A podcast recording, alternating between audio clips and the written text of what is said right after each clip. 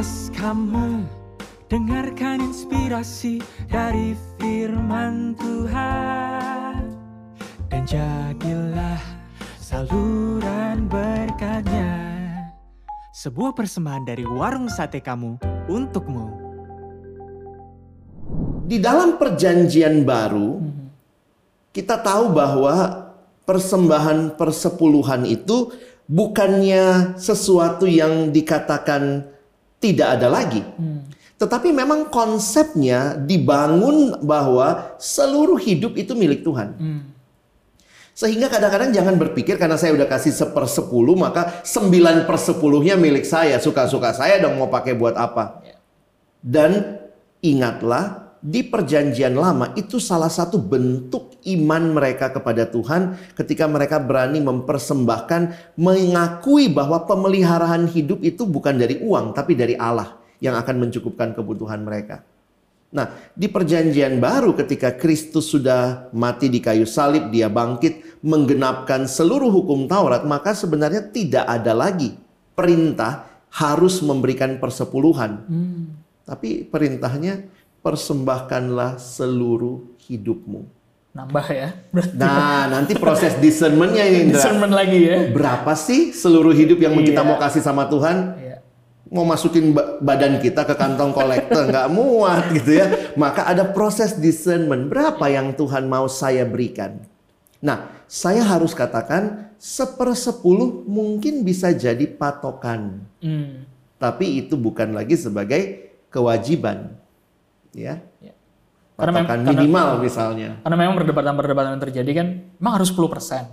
Kan nggak harus 10%, kalau saya bisanya 5%, atau sebenarnya saya bisa lebih, bisa kasih 15%. Nah, berarti kan balik lagi ke soal di semen tadi ya, gimana kita melihat seberapa jauh kita mau berikan kepada Tuhan gitu ya, Bang Alex. Dan bagi saya, memberi lebih dari 10%, saya pikir itu sesuatu yang mungkin kita lakukan. Hmm. Ini logika saja ya, kalau kita hitung-hitungan, saya ingat seorang eh, seorang tokoh Kristen pernah berkata begini, ketika saya mendapatkan uang semakin banyak, maka yang harus saya tingkatkan adalah persembahan saya. Wah kaget juga tuh waktu baca itu ya. Karena biasanya kalau kita menerima uang lebih banyak, yang kita tingkatkan adalah gaya hidup kita. Ya hidupnya, iya. Nah, saya kasih contoh misalnya. Kalau saudara misalnya menghitung-hitung ya, ini kalau kita sudah bekerja kita hitung. Ternyata misalnya saya cukup dengan uang satu setengah juta hidup. Itu sudah misalnya di dalamnya sudah semua masuk ya. Misalnya ada tabungan juga, kalau ada asuransi mungkin kita masukkan di situ. Atau 2 juta lah. Ya. Ya, maka ketika misalnya kita punya gaji 5 juta kurang 2 juta. Sebenarnya kita bisa ngasih berapa? 3 juta. Itu berapa persen tuh? Lebih ya, lebih, Lebih ya. mungkin lebih dari 10% lah ya. Kalau gajinya naik jadi 10 juta. Oke, berarti 8 juta ya. Kan logikanya 8 juta kan? Iya. Emangnya tiba-tiba kalau gaji naik, tiba-tiba kita jadi makan hal yang beda gitu ya. Oke lah kita tambahin misalnya. Kita tambahin sampai 5 juta kebutuhan kita. Kita ambil invest ini, invest itu. Gaji 10 juta. Sebenarnya bisa dikasih? Masih 5 Masih ya, 5 juta. 50%. ya. Jadi hati-hati kalau kita hanya bicara persepuluhan, debat-debat persepuluhan, padahal kita lupa semakin bertambah penghasilan yang Tuhan berikan, apakah juga persembahan kita yang nambah? Atau ternyata kebutuhan mulai kredit ini, kredit itu yang mungkin juga kita nggak butuh, tapi karena gaji kayaknya slotnya masih ada, jadi yang naik itu adalah kebutuhan kita. Ya. Nah itu itu wah sangat berkesan buat saya sehingga eh, dalam pergumulan ya saya bukan berkata saya juga sudah sempurna tapi dalam pergumulan saya belajar tuh memberi lebih daripada sekadar 10% dari penghasilan. Oke. Menarik ya, karena memang perdebatannya kan itu kan. Perdebatannya cuma ngurus sepersepuluh, 10%? sepersepuluh. Iya. Ya elah kalau dia kasih sepersepuluh gajinya 100 juta. Iya. Sebenarnya kan apalah artinya, Apa artinya, ya. iya, Tapi benar. pertanyaannya adalah berapa kebutuhan kita yang benar-benar kita sudah hitung, kita masukkan semua kalkulasi. Nah, jangan-jangan Mhm. kita sebenarnya bukan orang yang percaya pada Tuhan, berani memberi kepada Tuhan karena kita masih merasa ini punya saya. Nah, itu yang saya pikir perjanjian baru memberikan konsep persembahkanlah tubuhmu kepada Tuhan seluruh hidup kita. Ya. Ini muncul pertanyaan sepersepuluhan karena memang menurutku itu juga ritual ya karena kita lakukan setiap bulan Iya, ya. iya. Makanya ada pembahasan ini dan ini pertanyaan berikutnya ini bukannya konflik of interest ya Bang Alex ya. Tapi apakah persepuluhan itu harus selalu diberikan ke gereja? Ini lagi bukan karena kita kalau DB ya. Iya, Kami bukan ya. kami sama-sama bukan di gereja bukan di gereja base-nya ya. Jadi kalau ada pengerja gereja gitu ya, penatua yang Iya, nonton iya. ini bukan ya. Karena memang ini pertanyaan-pertanyaan yang muncul bahkan ya termasuk di KTB ku, di pemuda ini Iya. harus ngasih ke gereja. Kalau misalnya saya sudah berikan misalnya 10% bahkan lebih dari 10% misalnya ke tidak hanya ke yayasan Kristen ya. Misalnya dia lakukan dia kirim untuk ke panti asuhan Kristen misalnya. Iya. Apakah itu dikonsider sebagai persepuluhan? Menurut Bang Alex gimana? Kalau kita pelajari, Hmm. ya ini masalah saya masih mau kritisi sedikit soal sepersepuluh tadi ya. Hmm, Kalau kita pelajari apa yang harus orang Israel persembahkan sebenarnya bukan hanya sepersepuluh. Hmm. Kalau pelajari perjanjian lama, saya pernah baca sebuah buku dan dia memberikan itu persepuluhan itu dianggap wajib ya. Ya. Tapi nanti ada persembahan sukarela, ada persembahan ini, persembahan itu. Waktu di total Lebih sebenarnya ya. sepertiga loh. Oke. Orang Israel itu sebenarnya dalam aturan perjanjian lamanya, mereka tuh di- diminta memberi sampai sepertiga penghasilan mereka. Nah, jadi kalau kita kemudian berpikir hanya sepersepuluh, lalu kita kecilkan lagi hanya ke gereja. Hmm. Nah, jangan lupa tadi sepersepuluh itu di dalam perjanjian lama tidak hanya diberikan kepada imam. Oke. Imam itu yang bertugas di bait Allah tidak hanya dibawa ke situ, tetapi juga diberikan kepada orang asing, kepada yatim piatu, janda dan juga pemeliharaan rumah Tuhan. Nah, karena itulah saya pikir sekarang kita harus melewati proses discernment tadi Discernment ya. tadi ya. Tuhan, apa yang bisa saya berikan? Jadi ka- ada yang bilang sama saya, perse, perse- apa, persepuluhan harus ke gereja. Ya silakan. Tapi kalau ada lebihnya, ya Tuhan juga bukakan kesempatan buat saudara mendukung pelayanan rohani Kristen, mendukung panti asuhan, mendukung yayasan-yayasan yang menye- menyebarkan Injil, sehingga eh, ya silakan Kak, saudara yang gumulkan. Hmm. Ada yang kemudian membagi sepersepuluhnya dia bagi-bagi. Bagi lagi ya. Tapi kalaupun misalnya saudara memberi sepersepuluh kepada gereja, kalau lihat Israel sepertiga loh, masih ada lebihnya tuh ya. Silakan, silakan, silakan kita pikirkan ke mana. Dan saya pikir itu adalah pergumulan setiap kita pribadi. Logikanya, maaf buat saudara-saudara yang di gereja, harusnya kan gereja kalau menerima persepuluhan dari jemaat, mungkin harusnya gereja juga mendukung lembaga-lembaga yang memberitakan Injil ya, mendukung yayasan-yayasan. Tapi ada gereja yang sudah melakukan itu, puji Tuhan, terima kasih. Tapi ada gereja yang semua masuk hanya untuk kas Gereja. gereja saja. Jadi akhirnya saya pikir iya ya. Tidak semua pelayanan bisa dilakukan gereja. Sehingga Tuhan menghadirkan lembaga-lembaga pelayanan pendukung gereja seperti pelayanan-pelayanan yang kita lakukan. Nah, dari mana Tuhan mencukupkan kebutuhan? Ya, melalui orang-orang yang mengerti juga bahwa pelayanan ini perlu didukung dan termasuk juga gereja-gereja yang melihat pentingnya mendukung pelayanan-pelayanan Kristen. Ya. Saya sih lebih sebu- suka sebutnya sinergitas ya. Oke. Antara gereja dan yayasan gitu ya. Karena memang Bukan rivalitas ya. bukan rivalitas ya harusnya kita bersinergi ya Yes. sebagai karena kita melayani Tuhan yang sama kan Betul. dan kebutuhan pekerjanya tuh banyak ya kalau kita lihat begitu. Oke, nah itu kita sudah bicara banyak tentang ritual. Ya. Mungkin sekarang saatnya kita bergeser ke sakramen ya. Tadi Oke. kita cukup set aside tentang sakramen ya, Mbak Alex ya. Nah itu kan salah satu sakramen yang mungkin kita semua eh, sering lakukan adalah perjamuan kudus. Yes. Ya, perjamuan kudus. Jadi memang eh, sebenarnya buat apa sih perjamuan kudus dilakukan, Mbak Alex? Lagi-lagi kalau tadi ada soal mengingat memecah-mecah ya. Iya, tadi Mbak iya, Alex iya. sudah sebutkan ya. Apakah harus dilakukan secara sakramental seperti itu di gereja? Karena kalau dibilang makan dan minum, sebenarnya kan harusnya setiap kita makan dan minum dong. Tidak hanya lewat hosti dan anggur yang kita minum secara sakramen. Saya pikir tidak kebetulan Tuhan memberikan kita sebuah ritual untuk mengingat. Oke. Ya, dan termasuk katanya manusia ini makhluk yang paling sering lupa.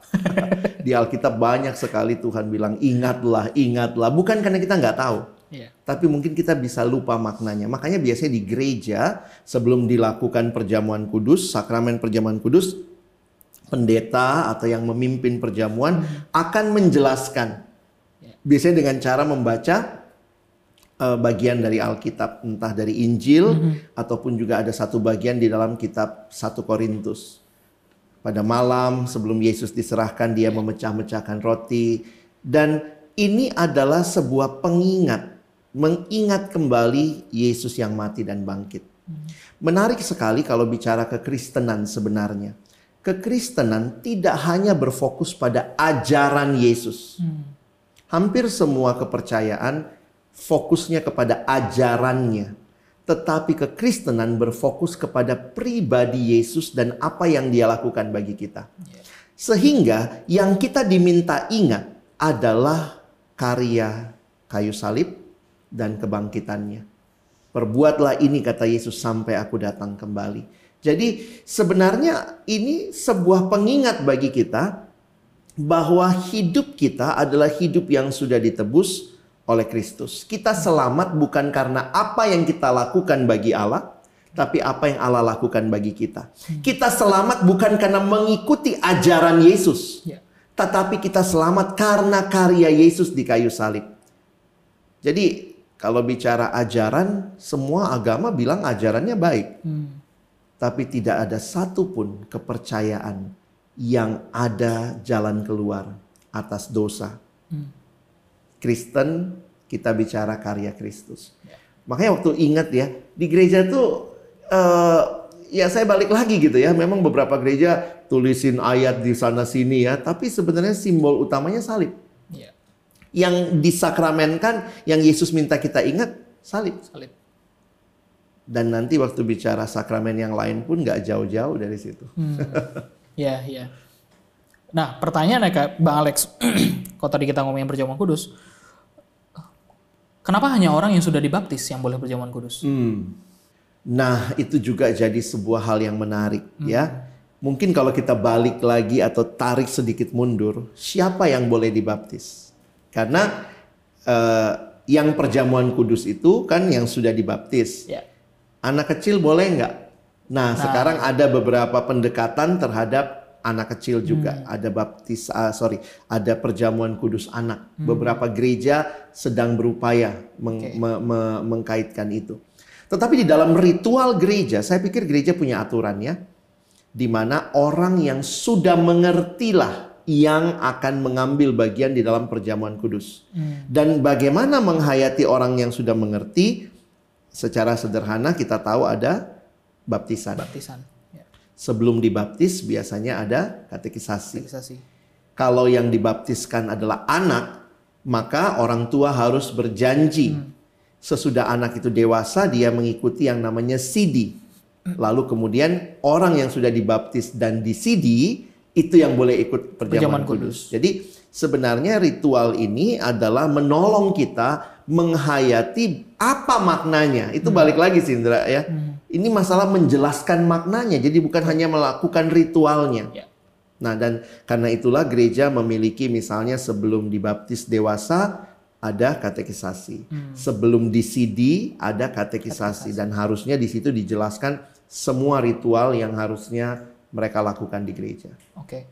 Karena itu hanya mereka yang sudah dibaptis yang Yes. ikut perjamuan kudus karena dia diasumsikan orang yang sudah dibaptis mengerti maknanya begitu ya maksudnya Nah, Alex, tapi ya? jangan dibolak-balik bahwa semua yang dibaptis pasti mengerti maknanya. Enggak gitu juga ya. Karena realitanya baptisan tidak menyelamatkan. Hmm. kita harus menggarisbawahi. Ah, baptisan itu adalah tanda yang kelihatan dari eh, tanda yang kelihatan dari iman yang tidak kelihatan. Ya. Jadi waktu bicara baptisan sebenarnya itu bukan hal yang diwajibkan karena tidak membawa keselamatan, Ya. tetapi itu menolong kita meneguhkan bahwa saya beriman dan percaya pada Yesus. Makanya kita ingat penjahat yang di sebelah kiri Yesus, eh, sebelah kanan Yesus ya. Iya. Dia nggak disuruh "Eh, hari ini turun baptis dulu, Ya. baru naik lagi baru bersama aku di Firdaus. Tuhan katakan hari ini juga engkau bersama aku di Firdaus. Tapi ada yang bilang kalau gitu nggak usah dibaptis dong. Dia nggak punya kesempatan. Kalau saudara punya kesempatan, kenapa tidak? Karena itu menjadi sebuah pengingat saya diselamatkan oleh karya Kristus. Oke. Kembali lagi ya pesan utamanya adalah pengertian kepada makna Iya. tersebut ya dari ritual yang Jangan kita jangan tolak ritualnya, Iya, tapi maknai, maknai, ritualnya. ya. Betul, Karena takutnya juga ada yang pokoknya saya nggak mau lakukan ritualnya, tapi pertanyaannya maknanya kita hayati nggak? Iya, Dan itu yang saya pikir harus berjalan bersama-sama. betul. Karena menurutku lagi-lagi ya banyak juga perdebatan kan baptis harus selam, baptis harus percik. Nah kalau tadi dari pembahasan Bang Alex kan berarti nih nih nanti coba diluruskan Iya, ya. Bang Alex ya. Berarti kan bukan metodenya saja, tapi Hmm. yang lebih penting adalah kenapa kita harus dibaptis gitu ya. Yang tadi Bang Alex bahas. Di dalam eh, sejarah gereja, Hmm. kita melihat berbagai jenis baptisan. Ya. Tetapi apa yang membuat baptisan sah? Baptisan itu sah bukan karena berapa banyak air, Hmm. tetapi karena dilakukan di dalam nama Allah Tritunggal Bapa, Anak, dan Roh Kudus. Jadi ketika sudah dilakukan di dalam nama Bapa, Anak, dan Roh Kudus, baptisan tidak perlu diulang. Jadi itu bukan sesuatu yang eh, kadang orang berpikir, wah ini karena waktu itu airnya cuma separoh begitu ya. Ya. Dulu di zaman saya SMA sering bercanda tuh teman saya ya. Dia bilang kamu baptisnya apa? Wah waktu masih kecil dipercik, wah kepala lu doang masuk surga. Eh, Jadi kita jadi tidak memahami apa artinya, tapi bahkan kita make jokes one another. Ya. Nah bagi saya pemahamannya adalah di dalam nama Allah Bapa, Anak dan Roh Kudus. Air menjadi satu simbol pembasuhan, ya. Dan di dalam Alkitab sendiri kita bisa melihat ada beberapa kemungkinan. Selam ada, iya ada. Tapi jangan lupa ketika dikatakan mereka memberi dirinya dibaptis dan seisi rumahnya. Mungkinkah ada anak kecil? Maka dengan konsep itu juga ada kemungkinan baptisan anak-anak dan berapa jumlah airnya saya pikir juga pasti itu menjadi sesuatu yang disesuaikan. Wow, ya. Jadi ini beberapa kali kita sebutkan ya, Bang Alex ya tentang simbol, Iya. tentang ritualistik, tentang sakramen. Tapi maknanya yang harus ya memang kita perhatikan ketika kita melihat simbol-simbol tersebut Iya. ya. Jadi fokusnya bukan ke selam atau perciknya ya, tapi lebih kasih ke maknanya Iya, ya. Iya, iya. Soalnya beberapa orang kalau dia tidak menghayati itu, dia mensakralkan tanpa mengerti. Iya. Bahkan itu jadi jimat. Iya. Misalnya ada yang punya salib, salib ditaruh di dompet, katanya biar dompetnya cepat terisi. Saya pikir kok salib yang adalah simbol, pengorbanan Yesus dilakukan seperti itu gitu. Saya malah lebih kagum waktu membaca sebuah renungan dari ODB waktu itu. Saya beberapa tahun yang lalu ada seorang yang di kasir dia dia dia punya toko di di meja di mesin kasirnya itu walau dibuka ada paku Iya. ada paku di situ ya. Dan ketika beberapa orang yang sering belanja di situ ngelihat lo kok ada paku? gitu ya. Dia bilang saya selalu mengingatkan dalam berbisnis saya telah ditebus oleh Yesus. Jadi paku itu kan nggak ada ya ritual ada, paku iya, juga kita ya nggak ada gereja eh, Jumat Agung bagi-bagi paku begitu ya tapi orang itu memaknai sebuah simbol yang menolong dia mengingat pengorbanan Kristus sehingga dia akan berusaha dengan orang yang eh, sebagai pe- pebisnis yang jujur misalnya nggak ngasih kembalian kurang kira-kira gitu ya atau kasih permen Supaya ingat ya, waduh. Iya. Iya, iya, iya. Nah, berkaitan sama simbol itu memang dan juga ritual ya Bang Alex ya. Terkadang sekarang tuh kita agak sulit membedakan sebenarnya ya. Karena banyak sekarang masalah adalah Kristen kan cukup populer ya. Iya. Khususnya karena dibawa oleh barat ya, teman-teman ya. Jadi banyak sekali simbol-simbol dan ritual-ritual sebenarnya tidak Kristiani sama sekali menurutku ya. Misalnya apa contohnya Misalnya Natal, Santa Claus. Oh, Kenapa oke. Paskah identik dengan kelinci dan telur? uh, uh. Padahal tidak ada sama sekali di Alkitab bahas kelinci dan telur Iya, ya. iya, iya. Misalnya seperti itu. Nah, itu lagi-lagi saya tadi sangat-sangat terberkati dengan soal discernment ya. Karena memang ini lagi-lagi butuh kebijaksanaan kan untuk Iya, kita melihat simbol-simbol dan ritual-ritual di luar sana yang mungkin sebenarnya tidak biblical sama sekali ya. Bang Alex, Hmm, gimana pendapatnya? kita perlu membedakan. Tentunya kita perlu mendidik jemaat, mendidik diri kita juga perlu membedakan antara yang mana sesuatu yang Kristiani, termasuk yang ritual-ritual yang dilakukan, yang mana yang adalah sesuatu yang lebih bersifat perayaan. Hmm. Nah, perayaan itu misalnya seperti ya eh, Natal, dekorasi-dekorasi Natal, lalu kemudian juga eh, kelinci dan telur dan segala macam, coklat ya segala Iya. macam ya. Nah, eh, kenapa ini penting? Karena kamu ke mall pun ngelihat Ya, hal-hal itu. betul. Tapi dia nggak punya Kristusnya. Mm. Dia hanya punya perayaannya. Sehingga di dalam budaya kita yang makin konsumerisme, saya harus katakan hati-hati, kita perlu membedakan. Termasuk ketika gereja melakukan atau mengadopsi, ya silahkan. Bagi saya no problem kita menikmati kemeriahan. Kadang-kadang semua pelayannya pakai topi Santa Claus begitu ya. Tapi ingat baik-baik, what is the most important thing about Christmas? The most important thing about Christmas is the first six letters. C H R I S T. Yang paling penting dari Natal bukan pohon Natalnya, bukan Santa Clausnya, tapi Kristusnya. Nah, mengingat hal seperti itu, ya itu yang perlu kita disiplinkan diri kita, kita disiplinkan juga eh, orang-orang yang melayani, supaya akhirnya semua bisa memahami. Kalaupun kita menggunakan semua kemeriahan ini, ini sedang bicara tentang siapa sih? Ya, itu yang perlu kita ingat. Mantap ya, karena dulu juga sempat ada pembahasannya soal Christmas dan Xmas. Xmas Wah, ya, iya, Mr. itu- X yang lahir. itu dulu ya Iya, pas iya, masih iya. masih siswa gitu ya masih di Ingat ya, kuliah ya. ingat banget karena perdebatan kita boleh nggak sih pakai Xmas gitu ya, Ya, Malahan, Merry Xmas. ya, Merry Xmas ya Iya, iya. supaya lebih singkat pas SMS ya dulu, Ah, dulu masih. SMS ya kalau teman-teman sekarang mungkin udah nggak ada ya SMS ya gitu jadi ya kembali ke pemaknaannya lagi Iya. ya Bang Alex ya Karena bagi saya juga ketika kita menolak tidak boleh sama Hmm. sekali, saya pikir juga kok jangan jadi ekstrim, Ya. ya.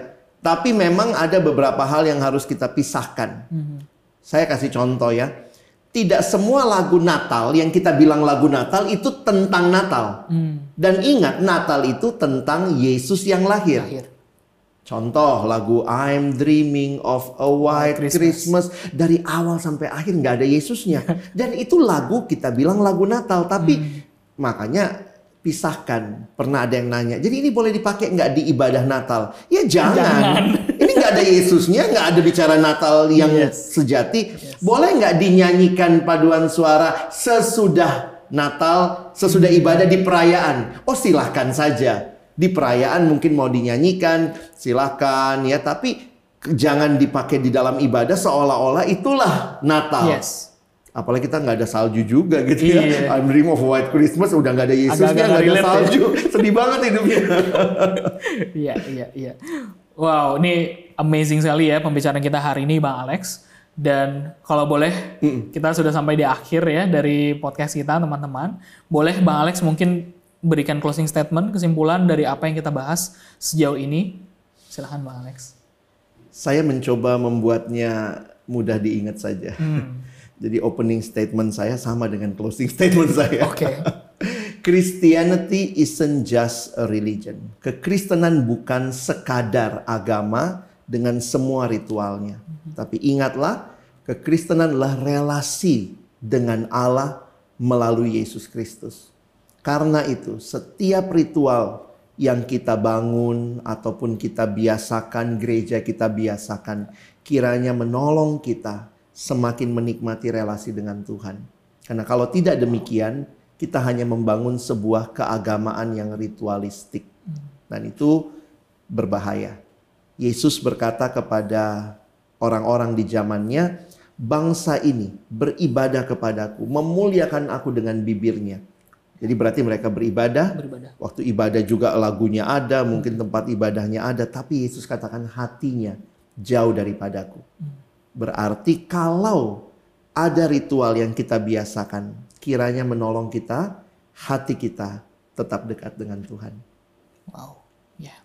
Boleh minta Bang Alex kesedia Bang Alex untuk tutup kita dalam doa Baik, sini. mari sobat muda kita berdoa. Tuhan terima kasih kesempatan ini kami bersama-sama belajar bagaimana kehidupan kekristenan kami lebih dalam lagi. Kami tidak bisa melepaskan dari beberapa ritual yang sudah ada ataupun nanti dibuat kemudian yang mungkin awalnya punya tujuan yang baik. Tapi seiring berjalannya waktu, seiring rutin dilakukan, sering kali kehilangan maknanya. Sehingga kami mungkin hanya melakukan ritual-ritual tanpa makna. Dan itulah yang juga kami rindukan ketika Tuhan kembali lagi mengingatkan kami mengevaluasi kami, menyegarkan kami. Kiranya kami boleh kembali ke makna-makna yang dalam, sehingga ritual-ritual itu membawa kami lebih dekat kepada Yesus. Dan kalau ada ritual-ritual yang sebenarnya selama ini tidak membangun kami, bahkan tidak membuat kami lebih dekat dengan Tuhan, tolong kami juga berani membuangnya, mengatakan tidak, sehingga kami tidak menjadi orang-orang ritualistik yang akhirnya hanya hidup memuaskan diri kami saja karena merasa kami sudah melakukan ritual itu.